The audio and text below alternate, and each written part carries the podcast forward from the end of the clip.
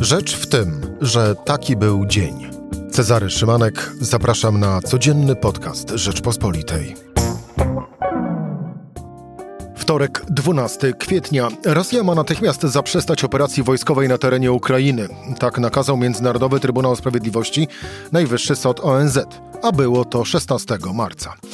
Była prokurator do spraw zbrodni wojennych Karola Del Ponte zwróciła się do Międzynarodowego Trybunału Karnego w Hadze o wydanie nakazu aresztowania prezydenta Rosji Władimira Putina. To zaś było 4 kwietnia.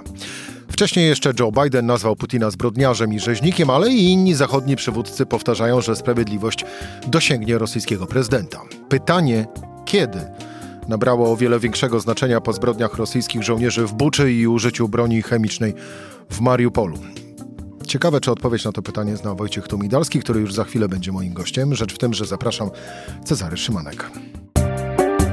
Słuchaj na stronie podcasty.rp.pl. Włącz Rzecz w tym w serwisie streamingowym.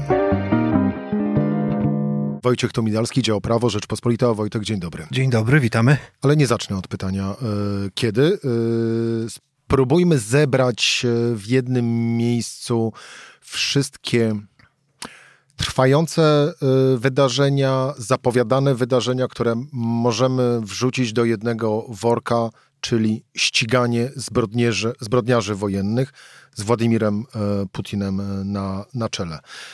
Po owym wyroku Międzynarodowego Trybunału Sprawiedliwości, czyli Najwyższego Sądu ONZ, coś się jeszcze wydarzyło? Wiesz, no, najważniejsze w tym momencie, tak też pisałem w Rzeczpospolitej, jest zbieranie dowodów, zabezpieczanie ich.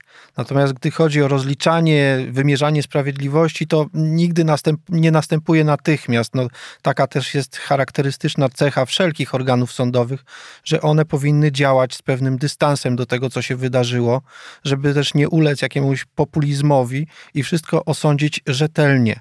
Trybunał w Norymberdze, przypominam, zaczął działalność dopiero po wojnie, kiedy okazało się, kto tę wojnę wygrał, kiedy zwycięskie partie, e, państwa, się, zwycięskie państwa się porozumiały co do tego, by taki trybunał utworzyć i osądzić zbrodniarzy hitlerowskich.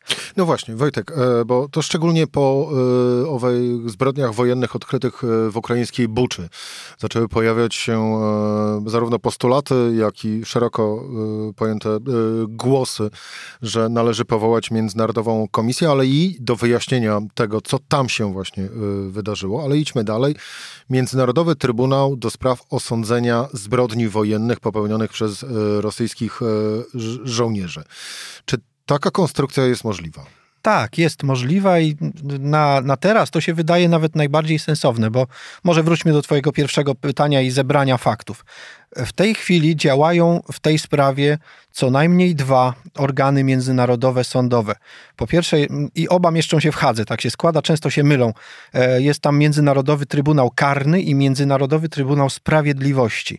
To Międzynarodowy Trybunał Sprawiedliwości, ten sąd ONZ-owski, wydał, to jeszcze nie jest wyrok, wydał środki tymczasowe na wniosek Ukrainy, nakazał powstrzymanie, Rosji nakazał powstrzymanie wszelkich działań zbrodnych, e, e, wojennych właśnie w w, na terenie Ukrainy i A jak dobrze wiemy, i jak dobrze wiemy, to się nie stało. No właśnie, dla przypomnienia, e, ów e, MTS, czyli Międzynarodowy Trybunał Sprawiedliwości, wydał owe środki zapobiegawcze na wniosek Ukrainy, a Ukraina stwierdziła w owym wniosku, że Rosja podjęła działania na podstawie kłamliwych przesłanek, czyli tak że mia, miało niby dotyczy, dochodzić do ludobójstwa. To jest, Ukraina tutaj się bardzo, bardzo sprytnie, że tak powiem, weszła do tej sprawy, bo cały problem z osądzeniem wszelkich zbrodni, do jakich mogłoby dojść na terenie Ukrainy i do jakich tam dochodzi, to niestety wątpliwości nie ma, że dochodzi, polega na tym, że pod, że Międzynarodowy Trybunał Sprawiedliwości nie osądzi zbrodni agresji, ponieważ, e, ponieważ Rosja nie uznaje tutaj e, jurysdykcji tego Trybunału.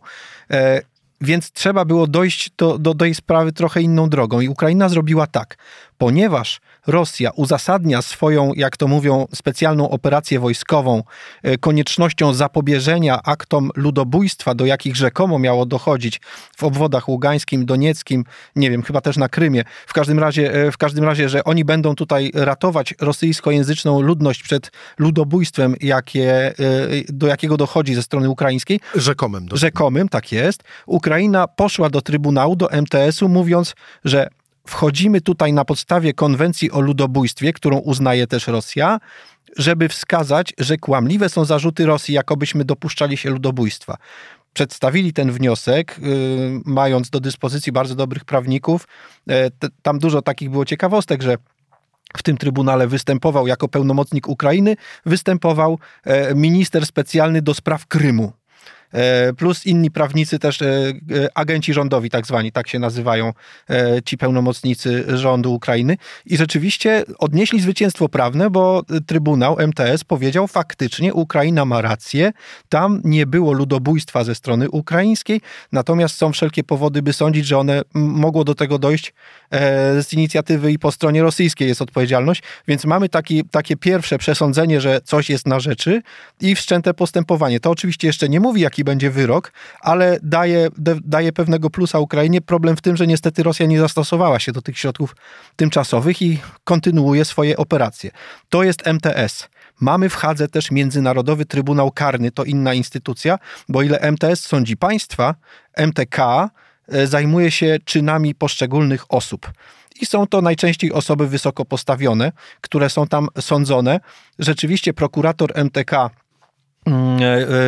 brytyjski prawnik nazwiskiem Khan już zaczął e, swoje czynności i zwrócił się do państw, które są stronami Trybunału Karnego, w tym również Polski, o to, by zabezpieczać dowody. I to robią prokuratury E, i różne organa ścigania w wielu państwach. Tu mamy znowu problem, że Rosja, Federacja Rosyjska nie uznaje Międzynarodowego Trybunału Karnego, nie jest stroną statutu rzymskiego, który go statuuje. Między nami mówiąc, również Stany Zjednoczone go nie uznają. Tak więc jakby no, to postępowanie też może jakoś tam toczyć się, ale będzie, e, będzie bym powiedział, fragmentaryczne. Tak? Tutaj w pełni odpowiedzialności E, nie uda się uzyskać, choć owszem, to, że Ukraina zwróciła się do MTK, uznając e, jurysdykcję Trybunału nad sobą, pozwala w ogóle tym organom e, Trybunału Haskiego cokolwiek w sprawie robić. I prokurator MTK działa, tylko to są też postępowania, które potrwają. Nie należy się spodziewać, że tutaj jakieś zapadną przełomowe decyzje w najbliższych, nie wiem, miesiącach. Podejrzewam, że to raczej będzie odsunięte na lata. No I stąd jest właśnie ten pomysł, żeby, żeby ustanowić specjalny trybunał. I tu na chwilę się zatrzymajmy, bo zatrzymajmy się przy owym Międzynarodowym Trybunale e, Karnym w Hadze. E, pewnie większość kojarzy go e, z owych zdjęć tablic na drogach ukraińskich, gdzie rosyjscy żołnierze kierowani byli właśnie do, do Hagi, a dla przypomnienia Haga, mm, no chyba najbardziej w sławna stała się po wojnie e, w byłej e, Jugosławii i to szczególnie w kontekście Slobodana Miloszewicza. Co ważne jest, e, mało znany i dostrzegany do, do, do tej pory fakt, śledztwo przeciwko Slobodanowi Miloszewiczowi rozpoczęło się jeszcze, kiedy był prezydentem, tak. kiedy pełnił fotel, był w fotelu prezydenta. Czy to samo jest możliwe wobec Władimira Putina?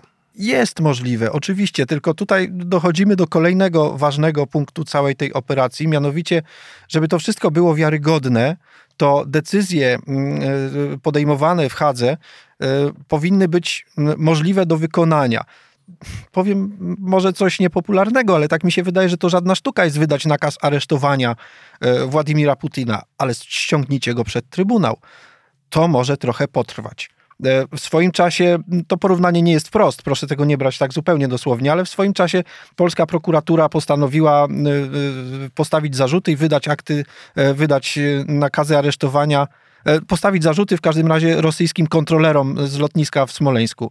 E, no fajnie te zarzuty są postawione, tylko nikt ich nawet nie przesłuchał. Oni nie wiadomo gdzie są i nie wiadomo, czy kiedykolwiek stawią się przed jakimkolwiek prokuratorem. Tak więc owszem, można postawić, e, można nakaz aresztowania wydać Władimira Putina, tylko dobrze by było, gdyby była ta decyzja możliwa do wykonania. I tutaj mam wątpliwości, że to się może nie udać. Czyli tak naprawdę skracając e, czas, e, najlepiej byłoby e, wydać ów nakaz aresztowania Władimira Putina jeżeli ten przebywałby gdzieś z wizytą zagraniczną w kraju, który uznawałby Międzynarodowy Trybunał Karny. Tak, rzeczywiście, to, to, by, było, to by było e, najskuteczniejsze. Chociaż nie chciałbym tak zupełnie bagatelizować tej, tej funkcji, bo to też jakby stanowi pewien efekt mrożący, że prezydent Putin będzie wiedział, że nie może pojechać tu czy tam, że nie jest traktowany na międzynarodowych salonach tak samo jak prezydenci innych krajów, którzy nie są dyktatorami w przeciwieństwie do niego, którzy nie mają e, w perspektywie i z tyłu głowy tych zarzutów,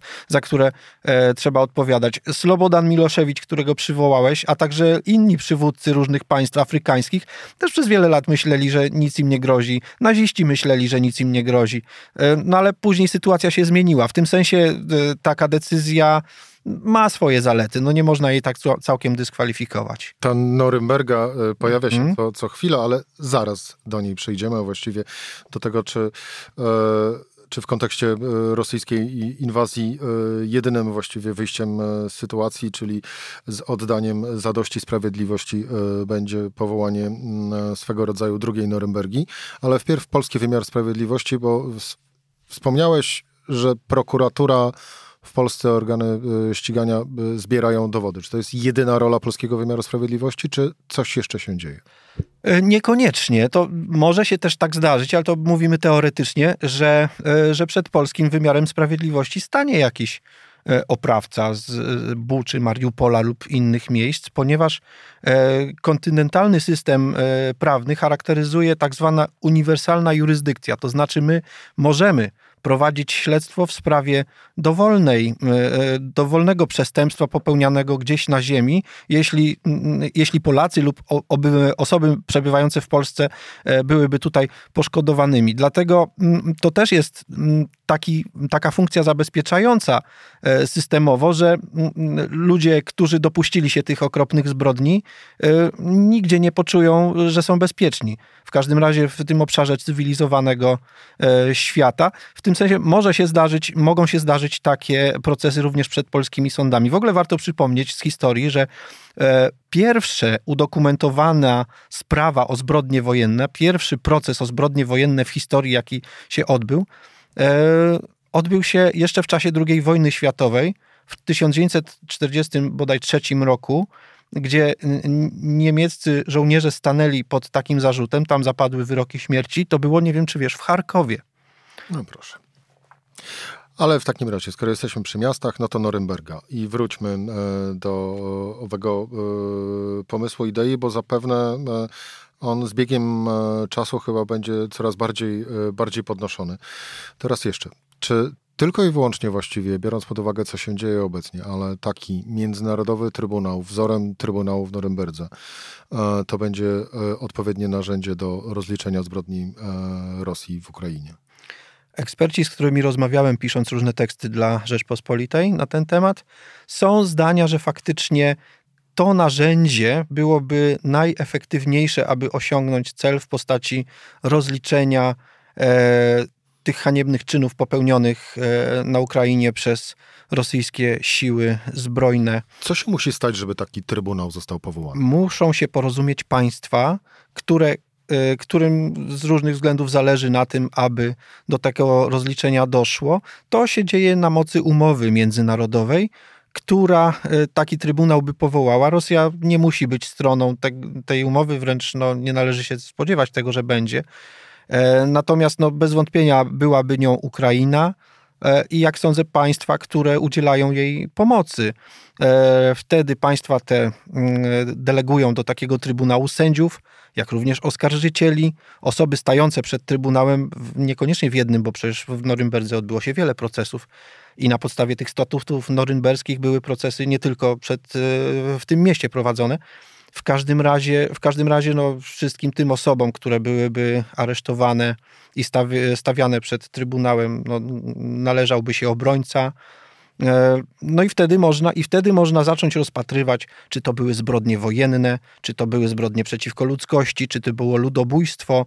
E, przepisy e, Międzynarodowego Trybunału Karnego, zresztą wzorowane na tych statutach norymberskich, przewidują za takie przestępstwa za takie zbrodnie dzisiaj kary 30 lat więzienia lub dożywocia, kary śmierci w wersji współczesnej tutaj nie ma. W każdym razie, w każdym razie no to, to jest do zrobienia, jak się wydaje, a już, a już takie precyzyjne decydowanie, czy tutaj było ludobójstwo, czy zbrodnia wojenna, powiedzmy może o co chodzi.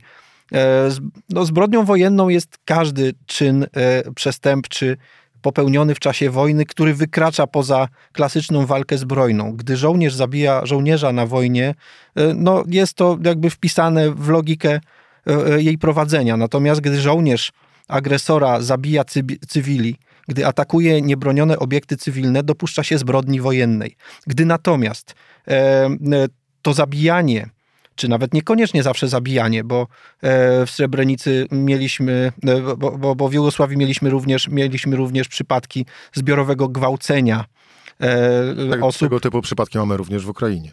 W każdym razie, w każdym razie zbiorowe gwałcenie, a już wiem, co chciałem powiedzieć.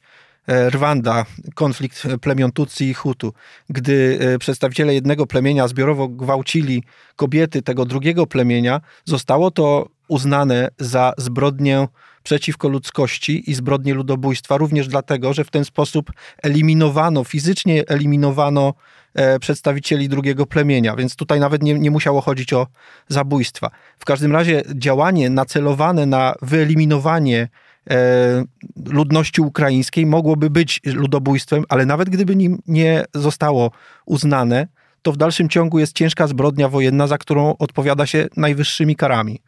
Wojtek, y, to załóżmy, że y, dojdzie do takowego porozumienia i takowy Międzynarodowy y, Trybunał do Spraw Osądzenia Zbrodni Wojennych w Ukrainie popełnionych przez rosyjskich żołnierzy zostanie powołany.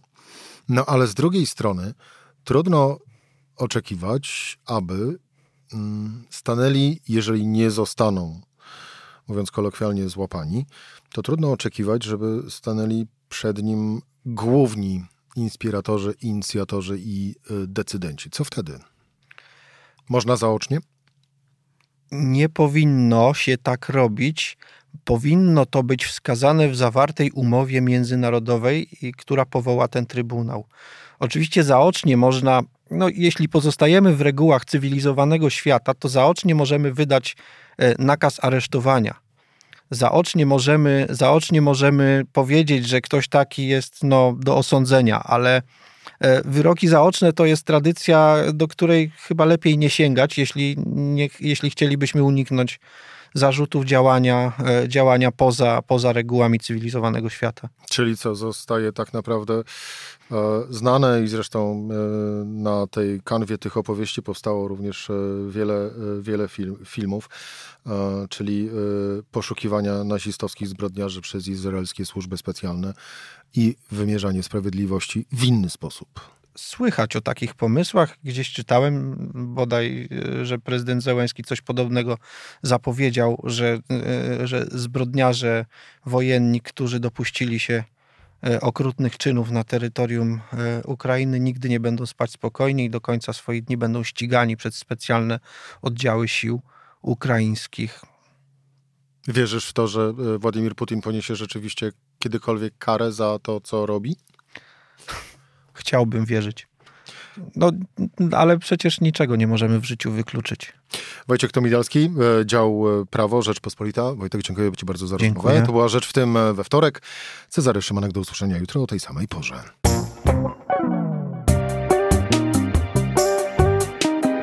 Rzecz w tym to codzienny program Rzeczpospolitej. Od poniedziałku do czwartku o godzinie 17. Słuchaj na stronie podcasty.rp.pl. Włącz Rzecz w tym w serwisie streamingowym.